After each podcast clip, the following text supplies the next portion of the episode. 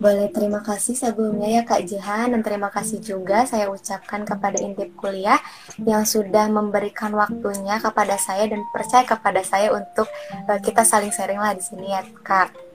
Nah, perkenalkan nama saya Yanti Diziani. Saya kebetulan alumni dari Universitas Pendidikan Indonesia Kampus Tasikmalaya.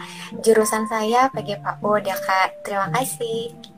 Oke, oke nih kak, kita langsung aja ke pertanyaan yang sering banget ditanyakan gitu ya kak.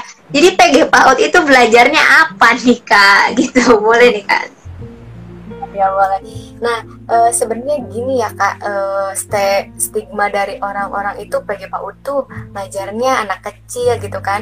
Terus juga e, ah paling juga lulusan SMP, SD, SMA juga bisa gitu kan tapi uh, sebenarnya PG PAUD itu oh gini dulu deh kak uh, kakak tahu nggak nih PG PAUD itu apa nah ini eh, pendidikan uh, apa gitu biasanya PG PAUD itu bawah TK Iya, terus ke daycare misalnya bisa nggak sih kak itu?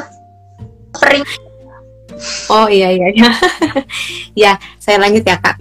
Nah, Boleh, uh, PG PAUD itu banyak pembelajarannya kita tuh belajar kayak psikologi perkembangan, psikologi pendidikan, kemudian uh, filsafat juga ada, statistik, seni dan banyak lagi gitu. Oke. Jadi bukan apa ya kak, bukan cuman um, saya bukan ke anak kecil doang gitu ya, karena ilmunya banyak gitu ya. Iya, nah, itu. Ini nih kak, uh, untuk praktikum atau prakteknya sendiri nih kak? Mulai misalnya dari observasi ke TK-nya observasi ke daycare misalnya. Kayak gitu bisa diceritain gak sih kak? Oke, nah untuk observasi ya kita pas uh, waktu tingkat satu sih ya uh, kita tuh observasi gitu ke TK kemudian uh, jadi kita tuh lebih digodok banget nih kayak kayak oh pembelajaran TK tuh kayak gini. Jadi kita tuh lebih terjun ke lapangan. Kemudian ada juga kan uh, nanti tuh PPL terus PPL itu kita benar-benar loh uh, jadi guru gitu kan selama tiga bulan. Dan benar-benar itu tuh kita tahu dari administrasinya bagaimana kemudian dari cara belajar anaknya tuh gimana. Kan ya kalau anak TK itu ya uh, anak yang benar-benar kita tuh harus sabar gitu kan uh, jadi kita tahu oh gini nih cara belajarnya oh gini nih sebelum kita PPL kan observasi ya jadi dia dari observasi itu kita tuh tahu gitu kak oke nih kak nah Halo Intipers, sebelum lanjut mendengarkan podcast ini, kami dari intipkuliah.com punya info menarik untuk kalian siswa SMA sederajat. Ayo ikuti tryout online persiapan masuk perguruan tinggi secara berkala bareng Intip Kuliah. Selain itu, bagi kalian yang masih bingung pilih jurusan kuliah, bisa ikut psikotes dan konsultasi jurusan secara online bareng psikolog atau konselor di Intip Kuliah. Nah, untuk informasi lebih lanjut, kalian bisa chat WhatsApp kami di 0821 2222 0486 atau kunjungi website intipkuliah.com. Selamat mendengarkan kembali Intipers. Nah, untuk ini nih kak, uh, mata kuliah misalnya nih kak, mata kuliah apa yang menurut kakak paling berkesan atau paling hmm? kayak, wah ini ini paling paling berguna nih untuk di di dunia pekerjaan sebagai guru TK itu mata kuliah apa nih kak? Nah, mata kuliah yang itu tuh banyak ya. Uh, saya sukanya psikologi perkembangan kayak kita tuh tahu uh, usia 0 sampai 6 tahun itu Nah, anak itu sedang di masa apa? Jadi di masa golden age katanya ya. Jadi di masa di mana uh, anak itu sedang ada di masa emas. Jadi segala informasi yang uh, anak yang kita sampaikan gitu, anak itu jadi gampang untuk kalau bahasa ini nerap gitu kan, gitu. Nah di sini, jadi di sini itu benar-benar uh, jadi beda kak. Biasanya anak yang masuk TK gitu atau anak yang jadi suka ada perbedaan. Jadi uh, anak TK itu kalau misalkan udah dilatih dari misalkan kan banyak ya aspek perkembangan untuk anak TK itu dari mulai nilai agama dan moral, fisik motorik, kognitif, kemudian bahasa, seni dan juga sosial emosional. Nah kan di TK itu diterapkan ya kak. Jadi uh, di TK juga nggak yang nilai kayak gitu, tapi lebih ke bagaimana aspek perkembangan anak seperti itu melatih keberanian misalkan seperti itu kan beda nih kalau misalkan dia nggak masuk bisa aja anak itu jadi pemalu biasanya ya kalau misalkan anak yang udah tadi malu nih terus masuk ke TK terus dia tuh kayak yang jadi pemberani kayak gitu kan itu juga merupakan dari sebuah perkembangan gitu Oke, jadi lebih ke memfasilitasi potensi dari perkembangan anaknya gitu ya kak ya? Nah, ya betul sekali. Untuk uh, konsentrasi atau peminatan mata kuliah nih kak, biasanya kan ada di semester 3 atau semester 5 nih di kampus lain. Apakah di ya. jurusan ini ada kak? Nah, sebetulnya juga saya mau uh, apa ya berbicara juga ya bahwa misalnya UPI itu banyak kak. Jadi UPI itu ada enam, enam kampus ya. Jadi ada uh, UPI Bumi Silwangi UPI Tasikmalaya nah, saya kebetulan di Tasikmalaya kemudian UPI Cibiru Purwakarta Serang dan juga uh, dan juga Sumedang. Nah itu sedikit itu ya uh, pengetahuan juga buat teman-teman sekalian. Nah uh, untuk konsentrasinya di jurusan PG PAUD itu belum ada sepertinya karena kita uh, seru aja deh pokoknya uh, uh, pembelajarannya itu tentang kepaudan pokoknya sudah sepertinya sudah menjurusi ya sudah uh, sudah sudah cukup menurut saya. Namun uh, untuk ke depannya uh, kurang tahu akan ada atau tidaknya seperti itu. Namun uh, info saya juga mencari info untuk yang tahun sekarang juga belum ada untuk di PG PAUD-nya seperti itu. Oke. Nah ini nih kak, alasan kakak nih, kenapa pilih PG PAUD dari sekian banyak jurusan keguruan atau pendidikan keguruan di UPI? Nah, boleh sih. Nah, kita... oh siap siap. Nah uh, dulu tuh uh, cita-cita dari kecil pasti guru ya, guru semua orang juga karena kita lihat model kita kan kayaknya tuh seru jadi guru ya. Memang cita-cita saya tuh jadi guru dulu Nah, namun uh, sebenarnya sih maunya masuk ke PGSD. namun kan saya masuknya SBMPTN. Hmm, saya kepilih di jurusan nomor tiga ya, hmm, pilihan ketiga yaitu jurusan PG PAUD dan mungkin sudah jalannya. Dan dulu memang saya tidak uh, apa ya, tidak masuk TK sepertinya karena dulu sempet masuk SD itu lima tahun setengah jadi kayaknya saya udah deh cocoknya di sini sepertinya seperti itu kak Oke, jadi memang sudah ada cita-cita dari dulu untuk jadi guru gitu ya kayak. Ya. Ini kak boleh kakak sharing nih untuk uh, jalur masuk sendiri nih di di di Universitas Pendidikan Indonesia nih khususnya di uh, Tasikmalaya ya kak ya. Ada berapa ya. jalur masuk untuk PG PAUD sendiri gitu kak. Lalu misalnya kakak bisa sharing website mana yang bisa dikunjungi sama adik-adiknya gitu. Oke, boleh. Nah, untuk uh, masuk juru, masuk ke UPI itu kan pasti ada ada tiga ya. Jadi jalur SNPTN, SBMPTN, sama SM, SMUP gitu kan. Nah, uh, untuk adik-adik sendiri bisa cek aja di PMB UPI ya untuk uh, keseluruhan dari UPI. Kalau misalkan mau tahu tentang PG PAUD-nya, uh, teman-teman semua juga bisa cek di PG PAUD UPI Tasikmalaya. Seperti itu. Oke tuh teman-teman ditulis ya websitenya supaya kalian gak ketinggalan info gitu ya dan sering dikunjungi. Nah ini nih kak, karena kakak juga udah alumni nih kak, ya. nih bisa sharing nggak uh, suka dukanya selama empat tahun itu di jurusan PG PAUD gitu kak? Iya. Uh, seneng banget ya saya di jurusan PG PAUD. Kemudian ada dosen saya yang emang cowok tapi emang aktif banget katanya tuh kalau di PG PAUD itu ceria ya bener-bener kalau mes meskipun ada cucian numpuk di rumah apa pun itu terus ceria harus ceria gitu kan. Nah e, ada pembelajaran bermain ya yang e, ada ulinisme dan geolisme. Jadi kita tuh e, ulin ya dan bergoyang seperti itu. Jadi kita tuh harus ceria meskipun e, kayaknya tuh banyak sebenarnya tugas tuh banyak di PG PAUD itu jadi uh, orang tuh kayaknya nggak gampang kayaknya gampang ya. Nah cobain aja. Pokoknya adik-adik nggak akan akan nyesel deh masuk PG PAUD.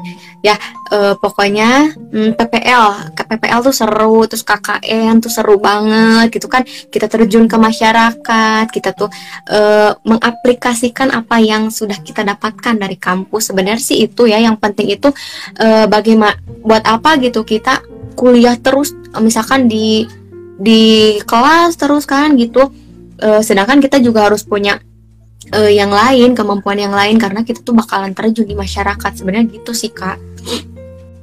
Oke, oke nih kak juga ada nih pertanyaan yang masih kayak orang-orang masih masih sering mempertanyakan gitu ya. Jadi Siap. tugas-tugas di PAUD itu tuh biasanya seperti apa sih kak? Apakah memang juga uh, kita menjalani tugas untuk bikin kerajinan juga untuk jadi modal pembelajaran atau seperti apa nih kak? Iya bener banget itu banyak banget kita tuh kayak yang harus bisa multi talent sebenarnya ya Eh, dulu sempat juga semester 3 gitu ya apa pokoknya tingkat 3 apa tingkat 2 kita tuh eh, kayak bikin alat permainan edukatif terus terus juga tuh kayak bikin perma games gitu games dari PowerPoint kayak gitu. Dan memang benar-benar eh, bikin alat alat permainan edukatif yang cocok buat di anak PAUD aja seperti itu. Kemudian eh, kita juga bikin RPPH, RPPM kayak gitu dan administrasi di sekolah. Banyak eh, banyak sekali tugasnya. Terus ke sekolah kayak gitu. Banyak pokoknya. Eh, pokoknya kalau yang penasaran kalian bisa deh masuk PG PAUD. Apalagi kalian jadi terlihat lebih muda lah kak gitu. Kalau misalkan masuk di jurusan ini kalian tuh bakalan tetap segar lah fresh gitu tetap ceria, tetap semangat gitu ya untuk kuliahnya. Nah ini nih kak, uh, untuk maba-maba nih yang udah masuk sebenarnya udah masuk di semester 1 adakah tips gitu nih kak supaya mereka tetap menjalani atau tetap bisa bertahan selama empat tahun ke depan gitu kan sampai lulus boleh di sharing nih. Heeh. intinya tuh kita tuh harus tetap semangat terus tetap eh, tujuan kita apa nih buat kuliah ya tujuan kita kan untuk belajar untuk eh, sebenarnya untuk skill kita ya untuk merubah pola pikir kita. Jadi eh, untuk teman-teman semua yang mau masuk kuliah terus jangan takut juga nih karena eh, di UPI kan juga banyak ya beasiswa. Jadi kalian tuh nggak usah insecure kalau bahasa sekarang ya kayak yang ah aku mah nggak punya apa-apa nih. Aku mah gimana nih? Nggak gitu. Sekarang eh, kalian lebih rajin-rajin lagi untuk cari informasi mengenai beasiswa. Kemudian kalian juga bisa eh, cari cari-cari tanya-tanya maksudnya tanya-tanya eh, sama kakak kelasnya boleh atau sama kan intip kuliah juga banyak tuh artikel kalian juga bisa ya bisa bisa eh, apa bisa jadi bahan referensi untuk kalian semua. Intinya semangat jangan jangan banyak dengerin obrolan orang sih sebenarnya ya. Karena gini eh, selama kita eh, positif dan mau maju gitu kan kita tuh harus terus aja melangkah gitu kan. Nggak nggak sampai ah kata orang gini kata orang gini. Bakal capek karena orang nggak akan ya nggak akan kita nggak minta uang dari mereka. Orang juga akan ngerti kita. Jadi mending kita terus semangat maju gitu. Walaupun PG PAUD kayaknya tuh eh, tabu deh tabu deh gimana ya.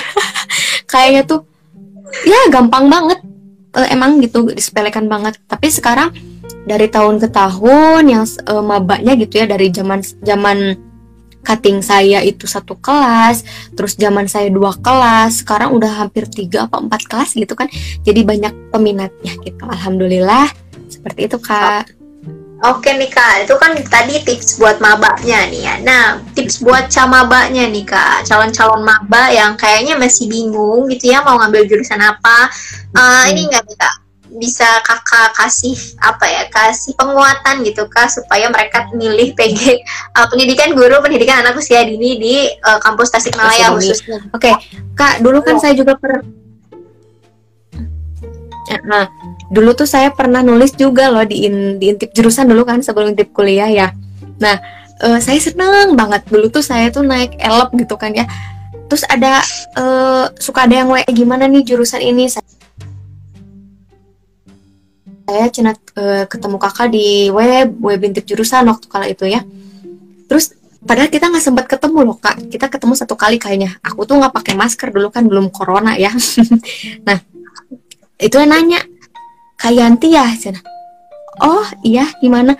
Kak cina saya yang dulu uh, DM kakak yang saya yang saya baca artikel kakak di web intip jurusan. Ih seneng banget kayaknya gitu ya. Banyak yang DM banyak yang itu. Terus ketemu tuh emang nanya gitu kan nah makanya nanti buat calon maba gitu kalau misalkan ada yang mau ditanyakan bisa ke saya langsung atau lewat intip kuliah juga boleh karena terbuka banget ya buat saya. E, senang aja gitu kalau misalkan ada yang tertarik sama e, sama PG PAUD gitu kan. Terus gini e, untuk pros e, kalian jangan ah jadi apa sih? Jadi guru aja. Jadi guru bisa jadi PNS juga bisa loh kak. Karena kakak kelas saya teman-teman saya juga alhamdulillah ada yang ke terima CPNS tahun ini gitu kan. Jadi banyak banyak peluang sebenarnya. Uh, intinya kalau kalian mau hayu kita di PG PAUD biar kalian muda terus bisa gitu kan. Pokoknya uh, kalau kalian mau suka anak suka anak gitu ya uh, senang sama anak boleh boleh banget yuk gabung di PG Paudupi Kampus Tasikmalaya Oke, oke nih kak tadi juga kan sudah menyinggung tentang prospek kerja gitu ya. Jadi nggak mm cuma jadi guru, bisa jadi PNS. Nah untuk mm -mm. uh, bisa lain juga nih kak, apakah uh, peluang kerja dari PG PAUD ini juga memang luas atau seperti apa nih kak? Bisa di uh, sharing sama kita kak? Mana kak agak tadi berpering. Gimana bisa diulang kak?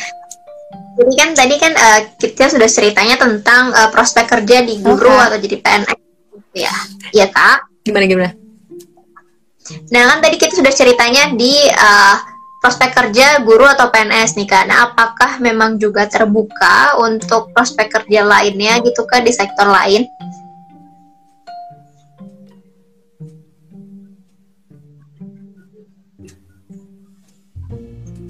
Halo kak. Hmm, prospeknya gitu kan. Aduh agak tersendat-sendat ini teh. tersendat-sendat begini ya kak. Uh, ini aja deh kak. Uh, prospek kerja lain selain di guru ada nggak sih kak? Gitu selain hmm, sama PNS gimana, tadi. Gimana? Aduh. Itu jaringan saya Mas, kayak.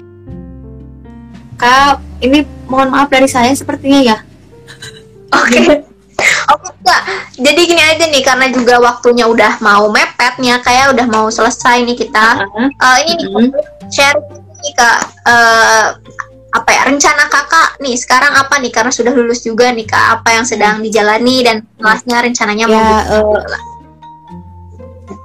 ya yang sedang saya jalani, saya sekarang mm, menjadi seorang guru di uh, sekolah swasta. Kemudian alhamdulillah saya juga menjadi seorang tutor sepertinya ya. Saya membuka les seperti itu. Jadi datang ke rumah-rumah. Alhamdulillah dari Calistung gitu kan uh, hampir banyak anak saya pegang alhamdulillah ya.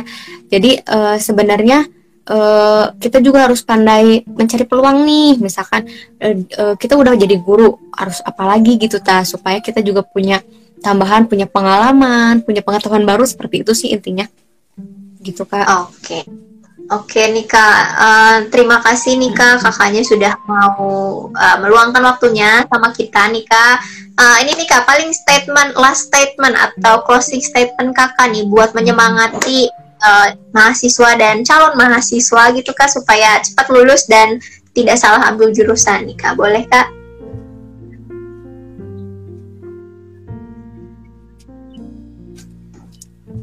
Halo kak. Ya. Uh,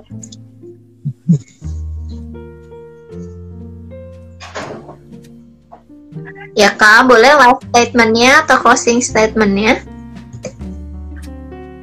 Ya, sepertinya ini tuh pengen deh ya panjang ngobrol sama kakak seru banget kayak ya. Uh, mudah-mudahan di lain waktu kita bisa ke mm -mm. ya uh, akan selalu ceria dari itu ya. Nah, uh, saya punya jargon juga nih untuk PG PAUD. PG PAUD itu sehat, cerdas, ceria. Boleh kak ikut kak? Oke siap? Boleh, ayo. Boleh, boleh, boleh. Boleh, boleh. Halo kak. Ya boleh kak. Kak. Iya. ada, ada, ada.